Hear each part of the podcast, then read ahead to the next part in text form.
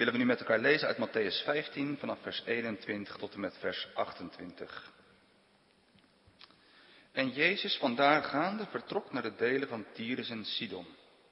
En zie, een Canaanese vrouw uit die landpalen komende riep tot hem, zeggende, Heere, gij zonen Davids, ontferm u mijner. Mijn dochter is deerlijk van de duivel bezeten. Doch hij antwoordde haar niet één woord.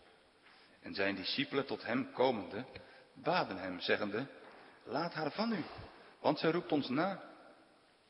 Maar hij antwoordende zei, ik ben niet gezonden dan tot de verloren schapen van het huis van Israël. En zij kwam en aanbad hem, zeggende, Heere, help mij.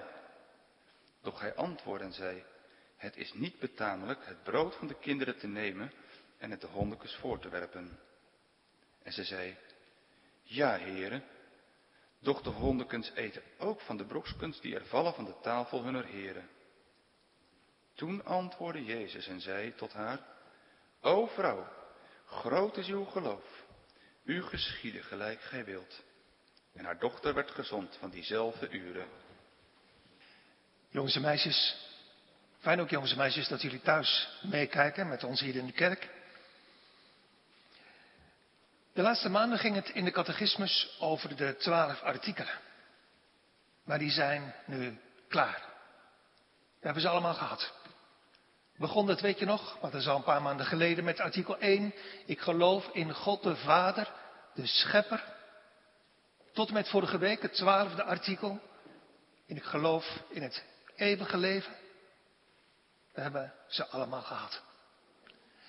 En nu komt vanmiddag in zondag 23 de hele logische vraag. Wat heb je daar eigenlijk aan? Dat je dat allemaal gelooft? Misschien heb jij, misschien hebt u dat u zelf ook wel eens afgevraagd.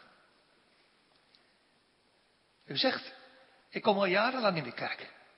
En ik kijk al tijdenlang mee thuis, maar, maar wat heb ik er eigenlijk aan? Pijnlijk antwoord als je voor jezelf moet zeggen. Ja, tot nu toe heb ik er eigenlijk helemaal niets aan gehad. De vraag ligt wel voor de hand, als u dat zo voor uzelf denkt of zegt. Zit u dan hier wel op de goede manier? En bent u, ben jij dan wel bezig in je leven met de goede vragen? Het kan zijn dat je hier zittend of thuis meekijkend denkt, nou ik hoop dat ik in de preek te horen krijg hoe ik beter kan worden. Of dat je denkt, ik hoop dat ik in de preek tips krijg om beter, om heiliger voor God te gaan leven. Alsof dat een eigen prestatie zou zijn. Of u denkt, nou door op deze manier godsdienstig te zijn, heb ik, of ik nu echt geloof of niet, hopelijk uiteindelijk toch een plus vergeleken met anderen. Een plusje voor nu, kleintje, en een plusje voor later. Misschien valt het straks dan toch wel een beetje mee. Maar dan zit u toch op het verkeerde spoor. Vorige week hebben we gezien dat dit leven en ook het zitten hier in de kerk voorbereiding is voor wat hierna komt. Voor de dag dat u, jij, dat ik voor God moet verschijnen. Voor de dag dat we opgeroepen zullen worden om te verschijnen voor de hoogste rechter. Om verantwoording af te leggen. Van alles wat we gezegd en gedacht en gedaan hebben. En de enige vraag die er dan toe doet. En waar het dus hier in de kerk ten diepste om gaat, is. Hoe zal ik dan rechtvaardig verschijnen voor God? Dat is de enige vraag die er nu en straks toe doet. En als je die vraag vergeet, schrijf hem dan thuis maar met een viltstift op de muur met grote letters. Hoe zal ik rechtvaardig verschijnen voor God? Want die vraag mag je nooit vergeten. Dat is de kernvraag van ons leven. En dat zien we vanmiddag ook in zondag 23. die daarover gaat, over rechtvaardig zijn door het geloof. Ik ga u die catechismus voorlezen. En leest u en lezen jullie maar mee. Vraag 59, 60 en 61. Vraag 59. Maar wat baat het u? Wat hebt u eraan, nu u dit alles gelooft? Dat ik in Christus voor God rechtvaardig ben en een erfgenaam van het eeuwige leven. Dus de eerste vraag is, wat heb je eraan, aan het geloof? Vraag 60, hoe bent u rechtvaardig voor God? Alleen door een waar geloof in Jezus Christus. Alzo dat, al is het dat mij mijn geweten aanklaagt, dat ik tegen al de geboden van God zwaar gezondigd en geen daarvan gehouden heb. En nog steeds tot alle boosheid geneigd ben, nochtans toch God, zonder enige verdienste van mijn kant, uit louter genade, mij de volkomen genoegdoening, gerechtigheid en heiligheid van Christus schenkt en toerekent. Evenals had ik nooit zonde gehad, nog gedaan. Ja, als had ik zelf al de gehoorzaamheid volbracht die Christus voor mij volbracht heeft, in zoverre ik zulke weldaad met een gelovig hart aanneem. Dus die tweede vraag gaat over, hoe kan dat eigenlijk? Rechtvaardig voor God? Dan de derde vraag, 61. Waarom zegt u dat? Dat u alleen door het geloof rechtvaardig bent? Niet omdat ik vanwege de waardigheid van mijn geloof aangenaam ben voor God, maar daarom dat alleen de genoegdoening, de betaling, de gerechtigheid en de heiligheid van Christus mijn gerechtigheid voor God is. En dat ik die niet anders dan alleen door het geloof aannemen en mij toe-eigenen kan. Dus die derde vraag gaat over waarom alleen zo? Waarom zeggen we dat? Alleen door het geloof? Dus samenvattend. Zondag 23 gaat over rechtvaardig zijn voor God door het geloof. Drie vragen dus. En we volgen vraag en antwoord van de catechismus op de voet. Wat heb je daaraan? Aan het geloof? Hoe kan dat? Dat is het tweede punt. Rechtvaardig zijn voor God.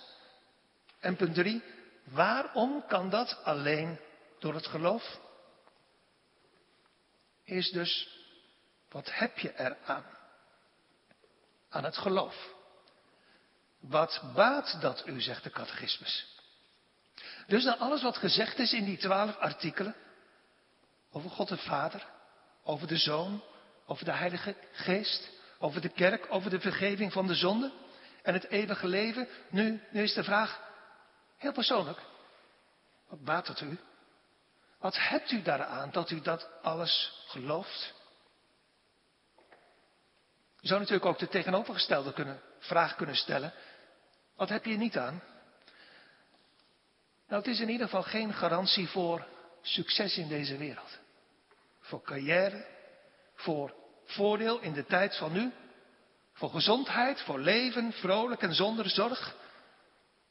Dat allemaal niet. Het geeft wel een andere garantie. Antwoord 59 zegt, als ik persoonlijk dat echte, dat oprechte zaligmakende geloof ken, dan ben ik in Christus voor God rechtvaardig en daardoor ook een kind van God en dus een erfgenaam, want kind is een erfgenaam, een erfgenaam van het eeuwige leven. Hoe dat precies gaat, daar gaat de volgende vraag over. Laten we nu even samen kijken naar antwoord 59. Ik ben, zegt een kind van God. Niet ik word straks na dit leven, maar ik ben. Dan moet je een beetje terugdenken, jongens en meisjes, aan vorige week. De zaligheid begint niet in de hemel. De zaligheid begint hier op de aarde. Ik ben. Hoe ben ik voor God? En dan, als je dat leest, Dan denk je bij jezelf en dan zeg je tegen jezelf, dit, dit is wonderlijk. Wat hier staat. Dit lijkt, als je goed nadenkt, maar vooral als je goed kijkt in de spiegel naar je eigen zondige hart, dit lijkt onmogelijk. Ik heb gezondigd tegen God. Ik heb de straf van de Heer verdiend. En ik kan wat mezelf betreft voor God niet staan. Ik moet zeggen, ik ben verloren. Denk maar aan vanmorgen. Ik ben, Heer, uw gramschap dubbel waard. Maar hier staat wat anders. Dit kan niet. Dit, dit, dit lijkt onmogelijk, maar, maar dat kan toch wel. Want er staat, ik ben in Christus. Door de band met Hem. Door het geloof in Hem. Omdat God in mijn leven kwam. Met zijn genade.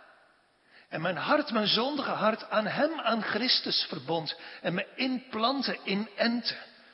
Als een klein stekje in de wijnstok. Daardoor ben ik. En wat een geloofsgetuigenis is dit. Daardoor ben ik niet meer verdoemelijk, maar in Christus rechtvaardig voor God.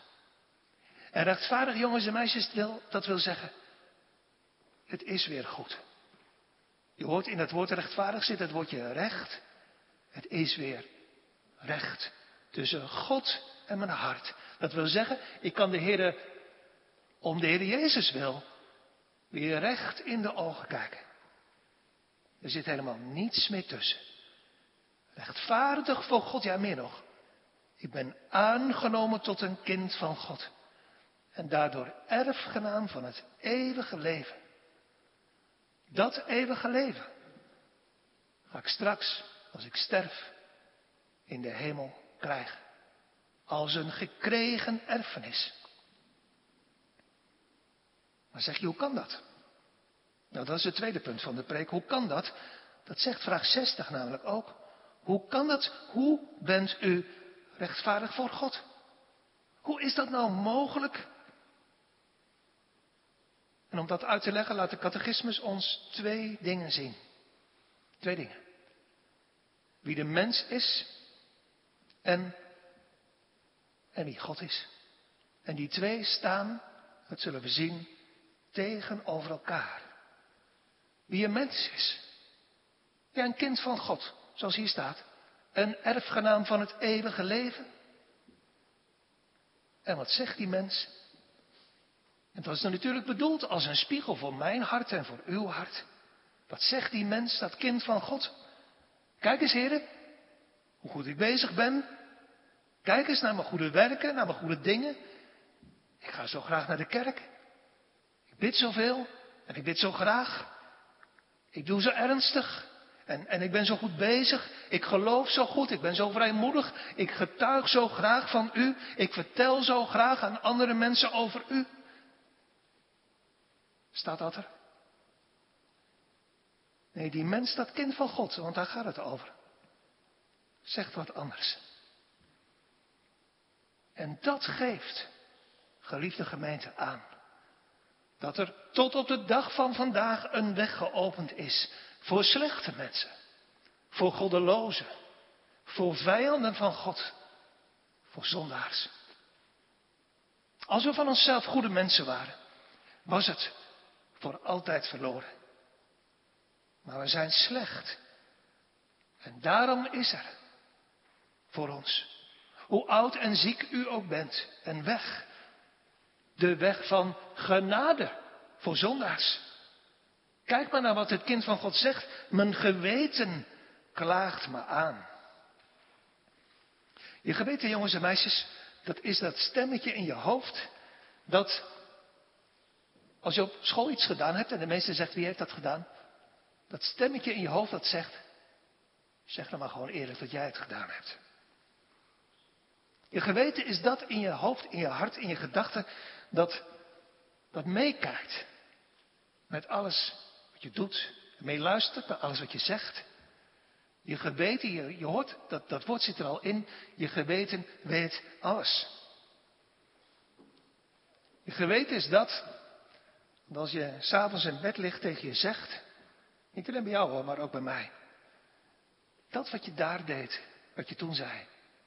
Was niet goed, was verkeerd. Je geweten is dat, ouderen, dat tegen je zegt als je terugkijkt naar je leven. Het is eerlijk wat je geweten tegen je zegt. Je hebt je hele leven verzondigd. Ja, wij mensen hebben het niet zo op de stem van ons geweten. Dat is lastig. Vervelend, hinderlijk, zit je in de weg.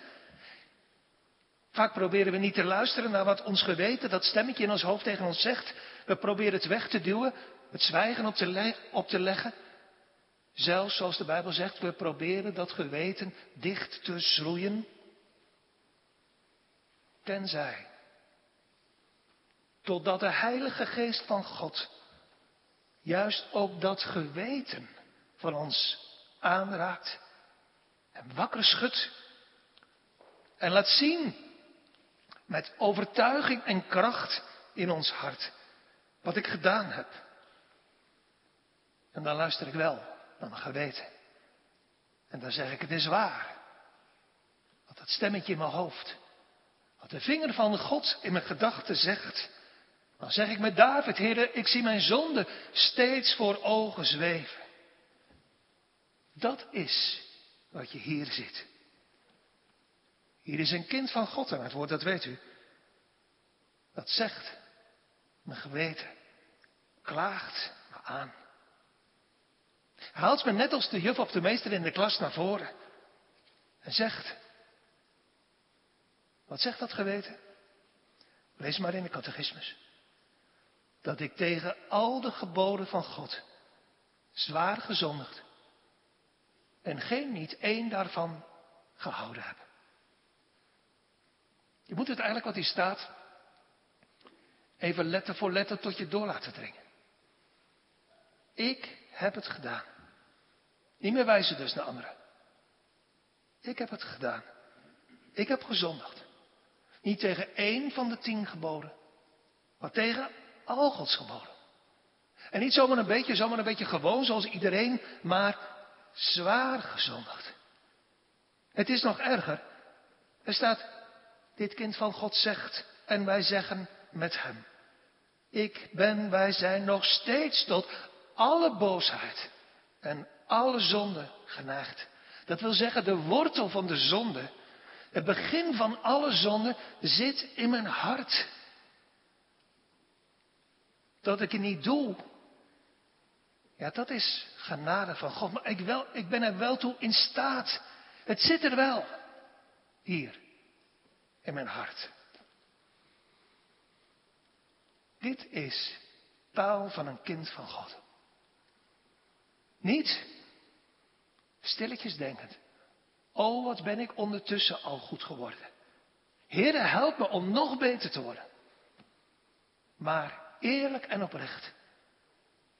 Ik ben een zondaar. Ik ben zonde. Dat is duidelijk andere taal dan de taal van de rijke jongeling. Die zei, Heere, al uw geboden heb ik gedaan, heb ik onderhouden van mijn jeugd af aan. Hier zie je. En dit komt uit de Bijbel, uit de Heilige Schrift. Een kind van God klopt zich niet op de borst. Zeg niet, denk niet, kijk mij nou eens hoe goed ik ben geworden. Maar buigt en zegt en blijft zeggen. En wat een gelukkige leven is dat. Heer, wees mij zondaar genadig. Mijn geweten klaagt me aan en zegt me wie ik ben. Dat was het eerste. Ik ben een zondaar. Maar er waren twee dingen. Het zegt ook wie God is. God haat de zonde. Kan die niet zien, wil die niet zien, want God is heilig. En God vraagt gehoorzaamheid.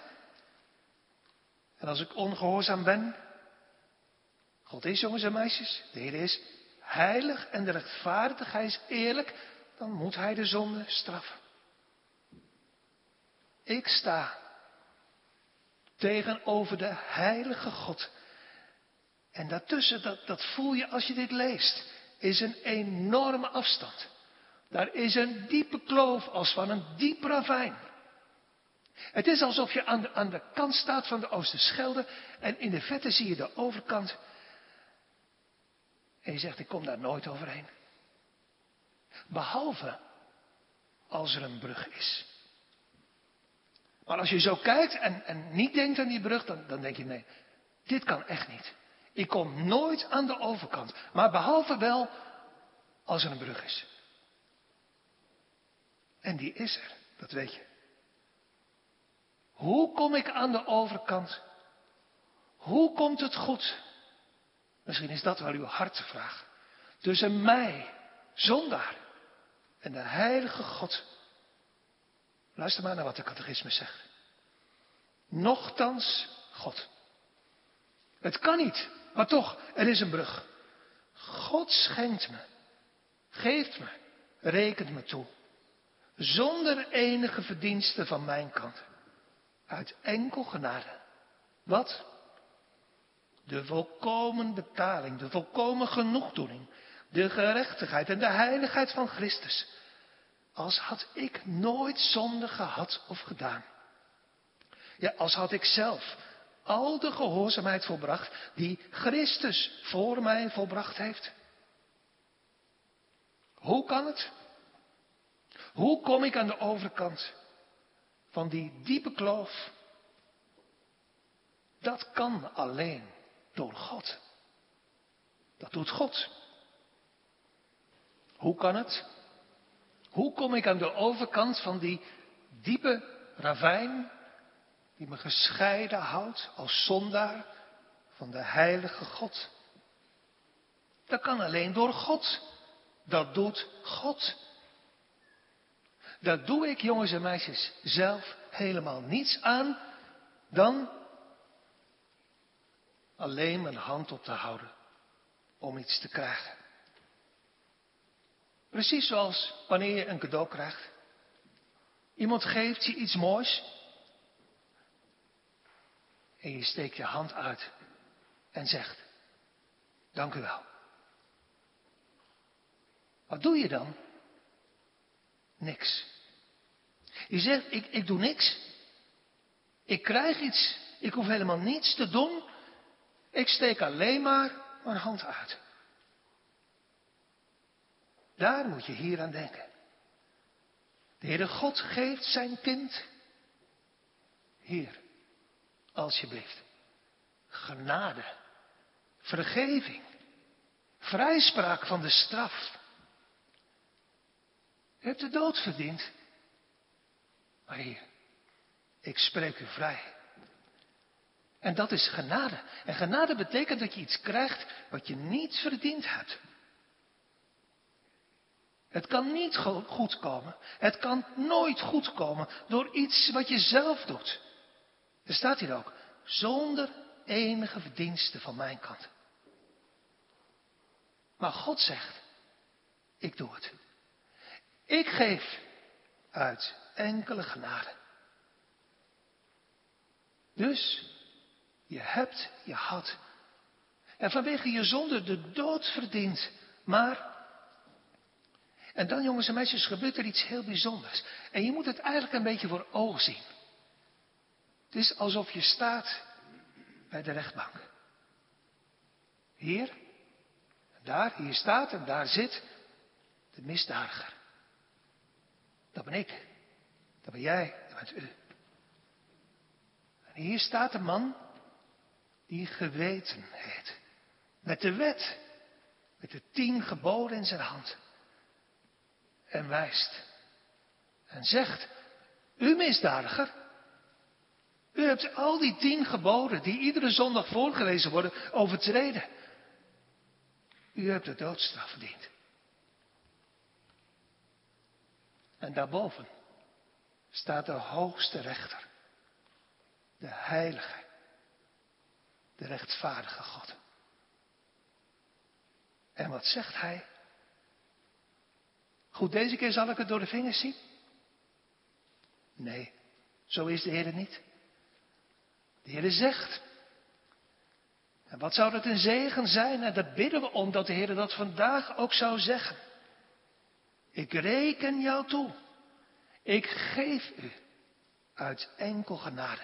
Ik laat, ik laat ruilen. Eerlijk en rechtvaardig ruilen.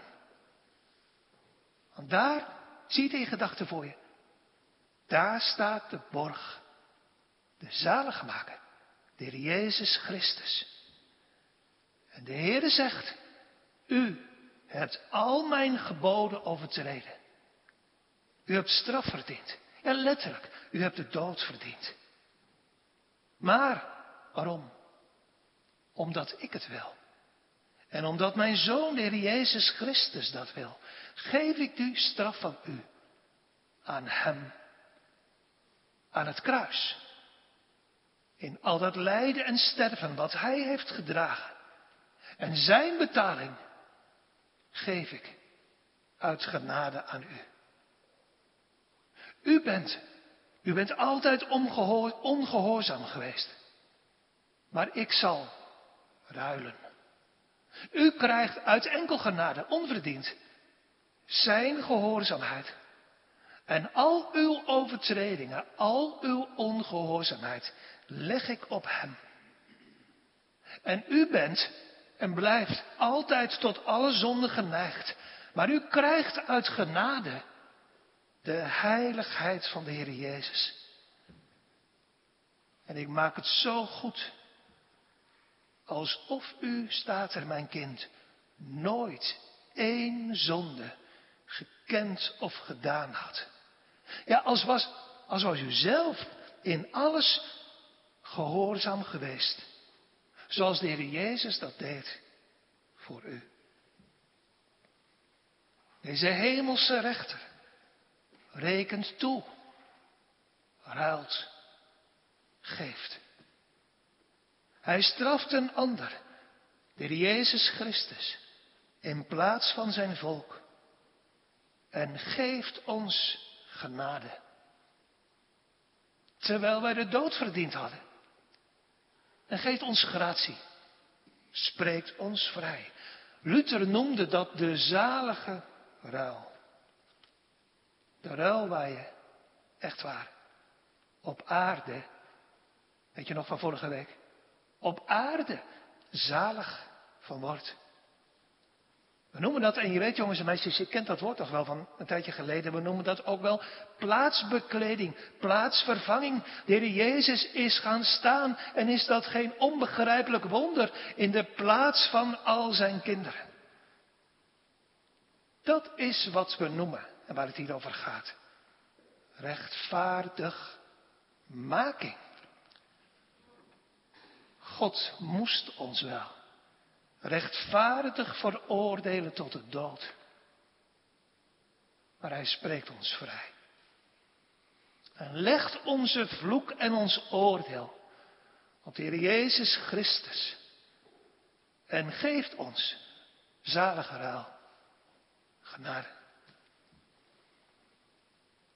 Hoe dat kan?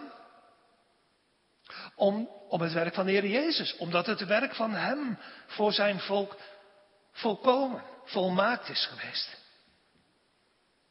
Omdat Hij, en als ik dat zeg, dan voel je het contrast met, met hoe wij zijn en wat wij doen en gedaan hebben. Omdat Hij altijd de wil van zijn Vader deed. Omdat Hij nooit één gebod heeft overtreden. Omdat Hij altijd gehoorzaam geweest is. En omdat Hij Vanaf, denk maar aan vanmorgen, vanaf het begin van zijn leven tot aan het einde op Golgotha. De straf, zoals het avondmaalsformulier zegt, voor ons volkomen helemaal gedragen heeft. En dat alles wat de Heer Jezus doet, was, was goed, was voldoende, was volmaakt in de ogen van zijn Vader. En daarom zegt Paulus in Romeinen 4, hij is overgeleverd om onze zon.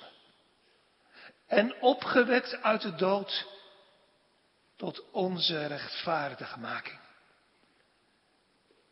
En nu geeft de Heer dat alles aan zijn kinderen. De catechisme zegt, hij schenkt. Hij rekent dat alles wat de Heer Jezus deed en verdiende, aan ons die zijn kinderen mogen zijn toe. Dat wil zeggen, jongens en meisjes, dat als de Heer, de heilige God, naar ons kijkt, naar ons hart, naar wat we doen en gedaan hebben, dan kijkt Hij als het ware eerst naar, naar de middelaar die tussen God en ons staat. Dan kijkt hij als het ware eerst naar alles wat de Heer Jezus gedaan heeft. Dan ziet Hij ons aan in Hem. Dan kijkt Hij naar de Heer Jezus en dan ziet Hij wat Hij gedaan heeft. En dan, dan is het alsof, alsof die gehoorzaamheid, het is niet alsof, het is echt zo. Die gehoorzaamheid van de Heer Jezus rekent Hij ons toe. En dan ziet Hij ons, als hadden we zegt de catechismus, geen zonde gedaan en geen straf verdiend. In zoverre ik, ik lees in de catechismus, zulke weldaad, die genade, met een gelovig hart aanneem. Dat wil zeggen, ik ben alleen zo gelukkig als ik dat zelf, die rechtvaardiging van de goddeloze en die genade van de Heer Christus met een gelovig hart aanneem. Zo is het voor ieder kind van God. Als de Heer in ons hart gaat werken, als we een nieuw hart van de Heer krijgen, dan krijg je letterlijk dit. Dat God onze zonden ruilt voor het werk van de Heer Jezus. Maar de vraag is wel, en dat bedoelt de catechismus hier te zeggen, kan je dat dan direct allemaal geloven? Meestal niet. Zijn er toch, toch? Je geweten spreekt. Als de Heilige Geest je een nieuw hart geeft, gaat je geweten spreken. Je gaat het zien en geloven. Ik, ik heb gezondigd. Sterker nog, ik ben zonde. En ineens zie je jezelf staan. Aan de kant van de Oosterschelde. Hoe kom ik ooit aan de overkant? Hoe komt het ooit weer goed terwijl je staat voor die diepe kloof, voor dat diepe ravijn tussen God en je hart? Hoe komt het ooit weer goed tussen de Heer en tussen mijn hart? Totdat de Heer zelf. Ik zei toch, de Heer doet alles. De schriften opent. Ons hart opent. En ons geloof geeft. Om het te zien en te geloven. Dat is iets wat door het werk van de Heilige Geest steeds meer in ons hart verdiept wordt. Wat de Heilige Geest doet en geeft. Ons meer en meer, stap voor stap, bij iedereen verschillend, maar toch steeds meer laat zien en geloven uit en door het woord. De kennis van onszelf verdiept. Ik raak meer en meer alles van mezelf kwijt. En ik word meer en meer en steeds meer als een arme en ellendige zondaar geworpen op Gods genade en barmhartigheid. En zo leert de Heer me door die weg meer en meer geloven in de verdiensten, in de genoegdoening van Christus. Zeker, daar is verschil in, in vastheid, in verzekering waarmee ik durf en mag geloven. Abraham geloofde God. En de Heere rekende het hem tot gerechtigheid. Staat er in Genesis 15. Maar vergeet u niet dat die vader van alle gelovigen, zoals ik vanmorgen zei, in de jaren daarna met haar gaat trouwen. Omdat hij het woord van de belofte van zichzelf uit niet meer en nooit heeft kunnen geloven. Het geloof is een gave van God. Er is verschil het gaat over de mate van verzekering. De vader van de bezeten jongen roept uit, dat is geloof. Heere, ik geloof, kom een ongelovigheid te hulp. En de Canaanese vrouw riep uit, we hebben dat samen gelezen. Dat was geloof. Heere, help me. Waar het om gaat is of we iets kennen van, van de kern van dat ware geloof. Dat niets, maar dan ook niets leert schrijven. Op eigen werk, op eigen prestatie, op eigen gevoelens, op eigen ervaring. Maar dat gaat verlangen naar. En in de nood van het hart leert vluchten naar Christus. En Hem vraagt alles te doen. En dat maakt, en dat voelt u met me mee. En dat ziet u ook in de geschiedenis van de Canaanese vrouw. Geen grote en geen gearriveerde christenen. Want hoe meer ik van Hem zie, van Christus, en hoe meer ik mag geloven van Zijn staan, van Zijn lijden en sterven in mijn plaats, hoe, hoe hoger, hoe groter Hij wordt en, en hoe dieper ik buig. In mijn hart, zegt de catechismus, is en blijft een hartelijk leedwezen. En dat verdriet wordt alleen maar groter dat ik die God, die zijn liefste zoon voor me gegeven heeft, door mijn zonde vertorend heb. En ik blijf er maar mee doorgaan. Wij begrijpen dat Mephibozet zegt, dat is uw knecht. Zegt u dat ook wel eens tegen de Heer? Wat is uw knecht, Heer? Dat u omgezien hebt naar een dode hond, zoals ik ben. Dat leven van genade geeft zalige blijdschap. En tegelijkertijd blijvende tranen om wie ik ben. Denk maar aan wat de apostel Johannes schrijft aan de gemeente van Smyrna. Wat zegt hij? Ik weet dat u heilig geworden bent en steeds heiliger aan het worden bent en dat u in alle dingen rijk bent. Nee, hij zegt, ik weet uw armoede. Maar u bent toch rijk. Wie zelf groter wil worden. En wie zelf steeds meer denkt te bezitten. Ten diepste trots en hoogmoedig. Die leeft niet uit het geloof. Wie uit het geloof leeft. Wat minder kleiner. Wordt armer in zichzelf. En zo wordt de gekruisigde Christus groot in onze ogen, in onze harten. Van mezelf heb ik niets, maar ik mag alles. Ik mag Hemzelf, de Christus, aannemen. Uit genade gekregen, aannemen. Met een gelovige, met een gelovig hart en met een lege hand.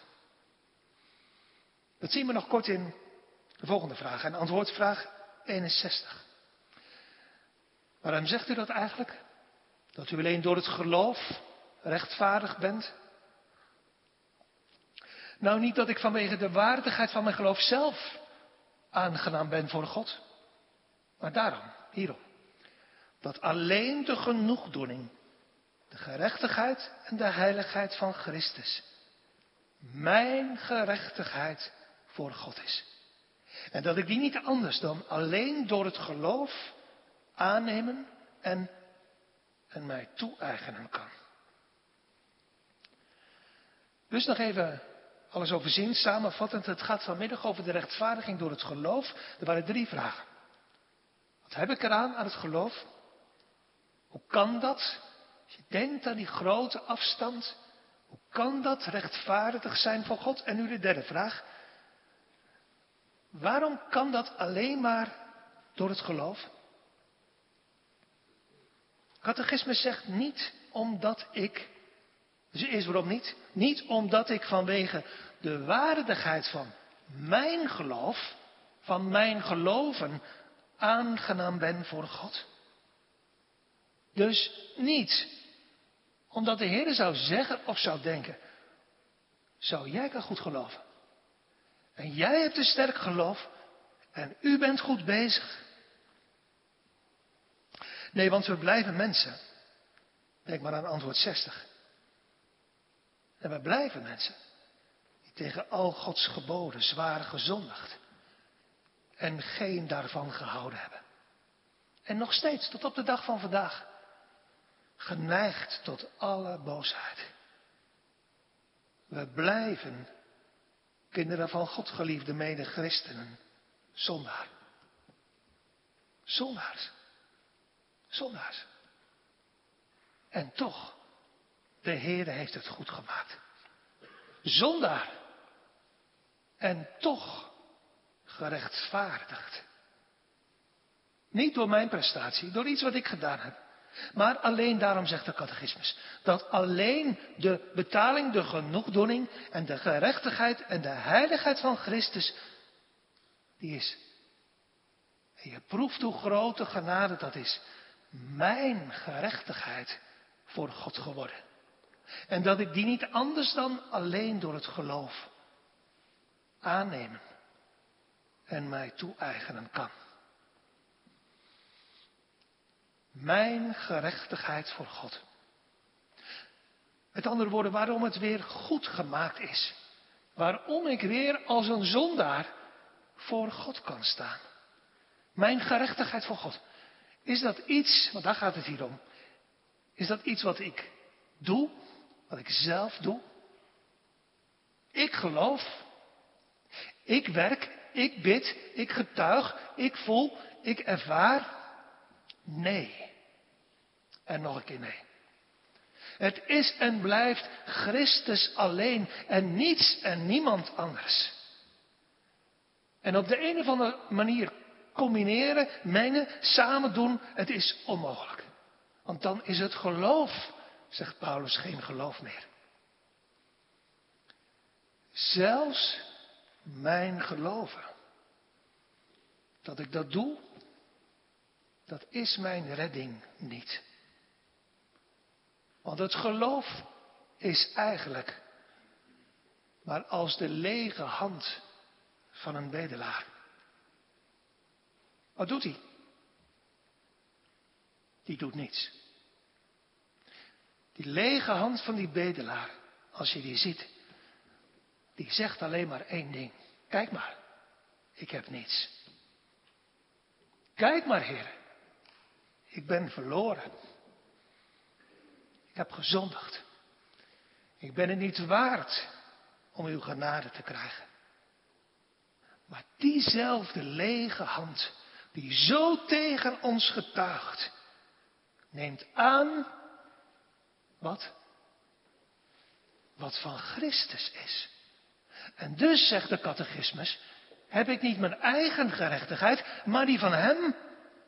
En dus heb ik niet mijn eigen gehoorzaamheid en mijn eigen goedheid, maar die heb ik van Hem gekregen.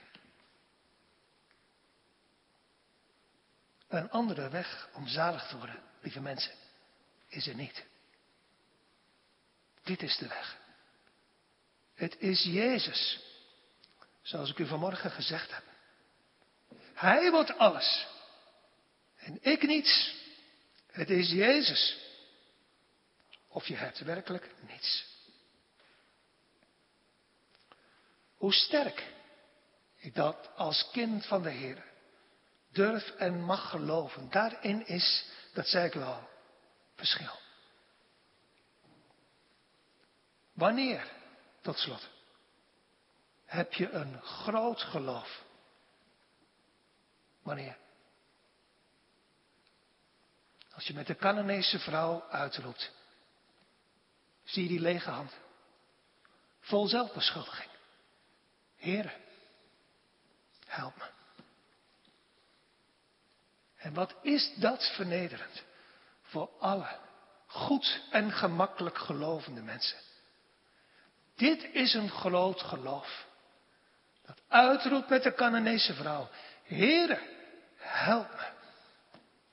En dat tegelijkertijd, want dat is de boodschap van die lege hand, heel diep buigt. En eerlijk zeggen tegen de Heer, ik ben het niet waard. U hebt gelijk in wat u tegen me zegt. Ik hoor er niet bij. Ik ben een hond. Maar Dat is het nochtans van het geloof, het maar van het geloof. Ik klem me vast met die lege hand die me beschuldigt. Aan u en aan uw woord. Want, Heer, de honden eten toch ook van de brokjes die vallen van de tafel van hun heren. De Heer geven ons geliefde gemeente meer en meer alles. Maar dan ook alles van onszelf te verliezen. En diep en dieper en diepste buigen. En als zondaars, als blijvende zondaars, te leven van de genade die is in Christus Jezus. Zondaars, maar toch rechtvaardig voor God door zijn bloed. Amen. Laten we samen danken en bidden.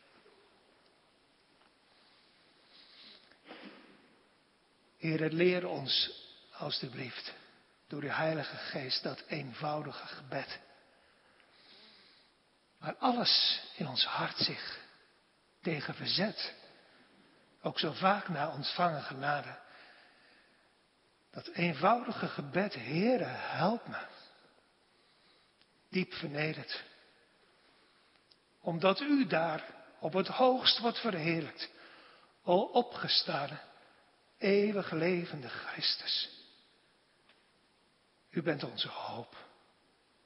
U bent ons leven. En u bracht ons genadig. De vijanden die we waren. En zondaars die we blijven en zijn tot de vrede met God.